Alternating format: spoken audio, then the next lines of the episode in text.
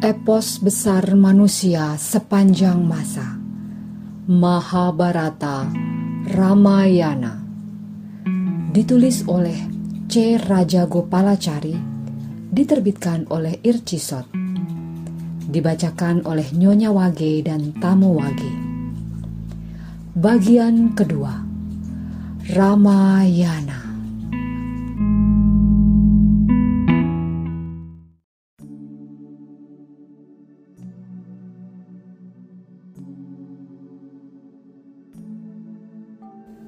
Bab 48 Pencarian di Alengka Hanuman mendaratkan kaki di Alengka. Hatinya penuh harapan. Tapi tak lama kemudian bayangan keberhasilan membawanya pada pikiran yang realistis. Memang benar lautan telah berhasil ku seberangi, tapi ini baru bagian awal tugasku. Di sana di Bukit Trikuta seperti tergantung di atas langit berdiri megah kota Rahwana. Betapa indah, kaya raya dan terlindung rapat di balik tembok kota itu. Benteng dan kota itu tidak kalah jika dibandingkan dengan Amarawati atau Bagawati. Tanaman belukar yang subur, bangunan yang menjulang anggun, benteng pertahanan dan parit-parit yang dalam, semuanya membuatku kagum. Tapi juga membuatku semakin cemas Siapa yang sanggup menaklukkan kota Rahwana ini? Apakah mungkin pasukan Wanara menyeberangi lautan yang baru saja aku lewati? Bahkan, jika mereka sanggup melewati lautan, apakah mereka sanggup menyerang dan meruntuhkan benteng yang dijaga pasukan yang bersenjata lengkap? Tipu muslihat ataupun kekuatan fisik tidak akan sanggup meruntuhkan benteng pertahanan itu. Tapi Pertama aku harus mencari tahu apakah Dewi Sinta masih hidup. Hal-hal yang lain bisa menunggu. Kapan dan bagaimana aku bisa masuk ke kota yang dijaga ketat itu? Jika ingin menemukan tempat Dewi Sinta di Tawan, aku harus mencari setiap tempat dengan cermat. Jika ceroboh, aku hanya akan membuat keadaan bertambah sulit dan misi ini akan gagal. Jika masuk siang hari, para raksasa pasti akan memergokiku. Sebaiknya aku menyelinap pada malam hari. Sebaiknya aku mengambil wujud apa ya? Untuk menghindari kecurigaan, sebaiknya aku mengubah diri menjadi binatang yang remeh dan tidak mencolok. Karena itu, ia mengubah diri menjadi kera kecil, seukuran seekor kucing, untuk masuk dan mencari Sinta di istana dan taman di kota yang sedemikian luas. Wujud itu sepertinya sangat cocok. Wujud yang sekarang jauh lebih kecil daripada wujud biasanya. Apalagi wujud raksasa yang ia gunakan ketika melintasi samudera. Waktu itu matahari sudah tenggelam. Wanara kecil itu berjalan menuju gerbang istana. Bulan bersinar terang. Jalan-jalan dan rumah-rumah tampak benderang dengan panji-panji dan hiasan. Emas dan batu permata menambah semarak gemerlap kota. Air semilir bertiup dari laut, seperti Amarawati Batara Indra dan Alakawati Kubera, ibu kota Rahwana ada di puncak kemakmuran. Utusan Rama itu terpesona dan sekaligus cemas memikirkan cara menerobos masuk kota yang sedemikian makmur dan dijaga ketat. Sementara berjalan-jalan dengan rasa kagum dan sekaligus cemas, ia ditegur dengan kasar oleh seorang dewi yang sangat buruk rupa penjaga pintu gerbang kota. Gerak kecil, siapa dirimu? Mengapa kau berkeliaran di tempat ini? Katakan yang sebenarnya. Ya, memang aku kera kecil. Aku di sini untuk melihat-lihat keindahan kota ini. Aku akan kembali setelah melihat-lihat kota dan memuaskan rasa ingin tahuku. Dewi penjaga itu marah dan memukul kera kecil itu. Dengan sembrono ia balas memukul dengan tangan kiri. Dewi itu jatuh tersungkur di tanah. Dewi itu segera bangkit.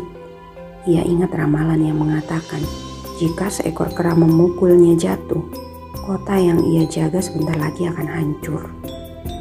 Katanya dalam hati, dosa Rahwana sudah terlalu banyak dan terlalu berat Sebentar lagi Alengka akan hancur. ramalan para dewa akan terpenuhi. Katanya dalam hati seraya meninggalkan tempat itu. Dewi penjaga kota tersebut sebetulnya bukanlah Abdi Rahwana, melainkan ruh penunggu kota. Hanuman memanjat benteng dan melompat masuk kota. Tradisi perang zaman dulu mensyaratkan ketika masuk benteng pertahanan musuh, orang menghindar dari pintu gerbang dan mengambil jalan yang tidak biasa. Karena sumpah akan menghancurkan bangsa raksasa, ia masuk benteng Alengka dengan kaki kiri terlebih dulu. Itu berarti musuh akan mengalami kekalahan. Ia melewati jalan-jalan istana. Bunga-bunga yang sangat indah menghiasi kanan kiri jalan. Seperti petir yang memancarkan cahaya gemerlap melintasi awan kemauan. Bangunan-bangunan yang tinggi menjulang memancarkan cahaya cemerlang menembus angkasa merayapi atap-atap rumah ia mengagumi keindahan kota. Rumah-rumah para raksasa yang besar-besar, jalan-jalan dan hiasan yang dipasang memancarkan keindahan yang memukau. Suara musik yang mengalun indah terdengar di sana-sini. Para perempuan cantik berjalan hilir mudik. Gemericik gelang kaki mereka merdu terdengar. Suara hiruk pikuk kota menandakan kehidupan yang gembira dan penuh dinamika. Di beberapa rumah terdengar orang mendaraskan gedung suci. Di tempat lain terdengar derasan kitab Weda. Di tempat yang lain lagi terdengar lagu-lagu puja kepahlawanan dan kejayaan Rahwana. Di mana-mana tampak pasukan pengintai dan prajurit. Di jalan-jalan tampak orang-orang yang mengabdikan hidup untuk praktik dan sumpah keagamaan. Ada pula raksasa-raksasa yang berwajah kejam dan buruk rupa Para penjaga bersenjata panah, pedang, gada, ketapel, tombak, dan senjata-senjata lain. Semua prajurit mengenakan baju perang. Ada yang berwajah tampan dan ada pula yang buruk rupa. Warna kulit mereka sangat beragam, mulai dari putih, coklat, sampai hitam. Ada yang tinggi dan ada yang pendek. Hanoman tahu masyarakat kerajaan Alengka berasal dari berbagai daerah. Ia periksa rumah demi rumah. Di dalamnya ia melihat banyak perempuan cantik. Ada yang bersama suami mereka, ada pula yang sendirian. Banyak sekali perempuan muda, mereka cantik dan menarik seperti patung-patung emas. Ada yang duduk-duduk di teras dan ada yang tiduran di tempat tidur. Ada yang menimbang dan ada yang bermain-main. Banyak sekali perempuan cantik yang Hanuman lihat, tapi ia sama sekali tidak melihat Dewi Sinta yang dirindukan Rama. Sedemikian banyak perempuan cantik yang ia lihat hanya membuat hati Hanuman sedih dan kecewa. Ia masuk dan memeriksa rumah-rumah para raksasa. Ada gajah perang, ada tangkaran murni, kereta kuda, dan pakaian perang. Semua pasukan dipersenjatai lengkap. Setelah melewati beberapa rumah besar dan taman yang penuh dengan keramaian dan musik, ia sampai di sebuah istana besar yang kemegahannya jauh mengatasi rumah-rumah indah yang ada di sekitarnya. Setelah melihat kuda gajah pasukan infanteri di depan tembok tinggi yang mengelilingi, keindahan terstruktur bangunan, dan kekayaan dekorasi. Hanuman yakin itulah Istana Rahwana, pusat keagungan ibu kota Alengka yang sangat indah. Ia pun masuk ke dalam istana. Istana itu bagaikan surga di dunia yang layak dimiliki Raja Rahwana yang memang tak ada bandingnya dalam hal kekuasaan dan kejayaan. Hanuman dibuat terpesona oleh keindahan taman, burung-burung yang bermain-main, tempat-tempat pemujaan ada di mana-mana katanya dalam hati. Betapa luar biasa kemakmuran, keindahan, dan kebahagiaan istana ini. Selama beberapa saat Hanuman hanyut dalam kekaguman. Tapi ia segera sadar, belum menemukan Sinta. Rasa kagum membuat Hanuman semakin gelisah dengan tugasnya yang belum juga tuntas. Setelah melewati sejumlah bangunan yang tinggi besar, ia masuk kamar Raja Rawana yang paling dalam dan paling pribadi Hampir saja ia kembali hanyut dalam kekaguman dan kemewahan dan kekayaan istana Rahwana. Semuanya sungguh mempesona seperti istana dewa. Di mana-mana emas dan perak, gading, permata dan mutiara, karpet dan perkakas yang sangat indah. Di tengah-tengahnya ia melihat Puspaka Wimana. Puspaka Wimana adalah kendaraan ajaib pemberian Batara Brahma kepada Kubera. Setelah mengalahkan Kubera, ia boyong kendaraan itu ke Alengka. Seperti sapi resi wasista, orang bisa meminta apa saja dari kendaraan dewa ini. Kamar Rahwana adalah lautan kekaguman lain. Sekian banyak perempuan cantik tidur di ruang yang sangat lapang. Ada yang saling berangkulan, tidak ada yang berpakaian lengkap. Di sana sini tampak mereka tidur dengan sikap sembarangan, membuat tempat itu seperti taman tanaman merambat yang permai dan penuh dengan bunga. Dengan hati teguh memegang Dharma, Hanoman mencari Sinta di antara para istri dan selir Rahwana yang sedang tidur pulas. Yang satu lebih cantik dari yang lain. Semuanya tampak gembira dan penuh cinta. Dengan kesaktiannya Rahwana bisa mengubah wujud sesuka hati dan menyenangkan semua perempuan ini. Semua itu tampak dalam tatapan para perempuan cantik ini. Hanuman merasa diri bodoh mengira bahwa Sinta ada di taman surga kenikmatan badani itu. Tidak mungkin Sinta ada di tempat seperti ini. Betapa bodohnya aku mencarinya di tempat seperti ini. Dewi Sinta tidak mungkin ada di sini. Kemudian ia pergi ke tempat lain. Di kamar yang lain ia melihat banyak tempat pembaringan. Ada satu yang lebih mewah dibanding yang lain. Pembaringan itu berlapis emas dan intan berlian. Rawana tidur di sana seperti gunung Meru. Badannya tinggi besar dan memancarkan keagungan seorang raja. Selama beberapa saat Hanoman gemetar. Ia berdiri di satu sudut dan mengamati Rahwana yang tidur lelap. Selama beberapa saat ia tak bisa melepaskan pandangan dari keagungan dan keperkasaan tubuh raksasa itu. Tubuh yang berotot yang sedang tidur. Badannya yang tinggi tegap dan perkasa membuat raja raksasa itu menarik dan sekaligus mengerikan. Kemudian Hanuman melihat para perempuan yang tidur di peraduan di sekeliling Rahwana. Beberapa tampak jatuh tertidur dan masih memeluk alat musik. Akhirnya matanya menatap pada satu perempuan yang terbaring di sebuah ranjang yang sangat indah. Bentuk badan dan kecantikan wajahnya membuat Hanuman berpikir ia adalah Sinta. Hanuman melompat dengan girang. Tapi tak berapa lama kemudian ia kutuk dirinya sendiri. Bodoh, bodoh, bodoh dalam hatinya.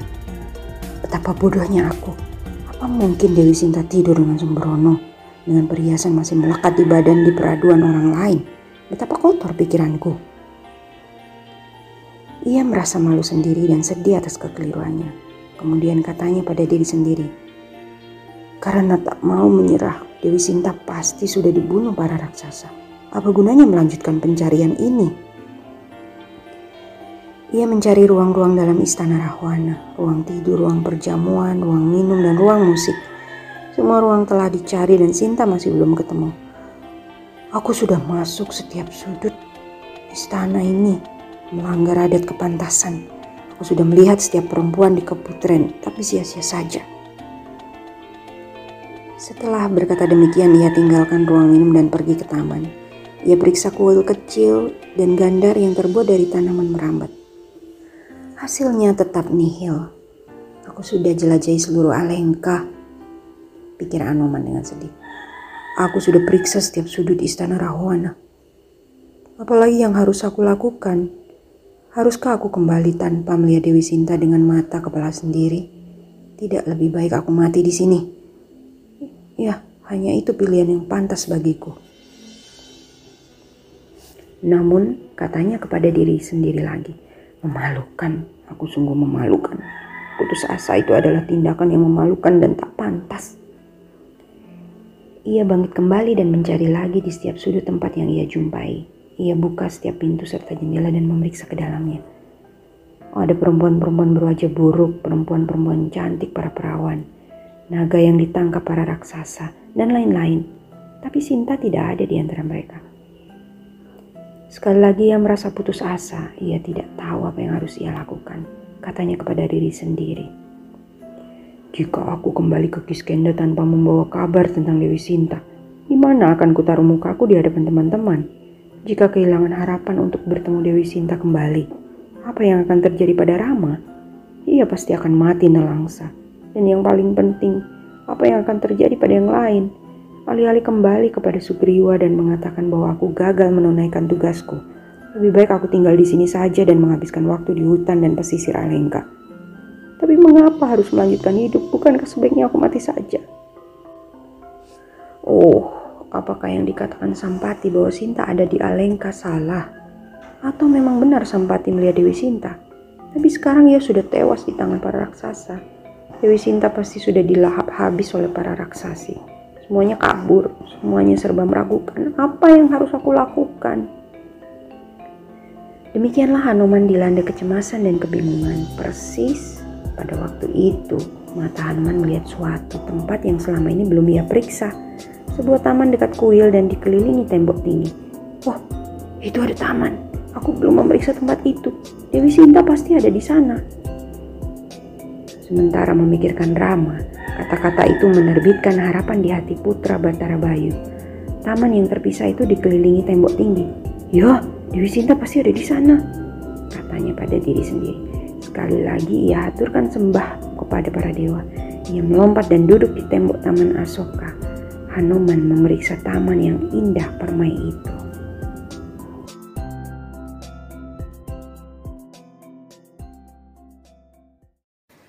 Dengarkan kisah selanjutnya di wage depan dengan tamu wage yang lain.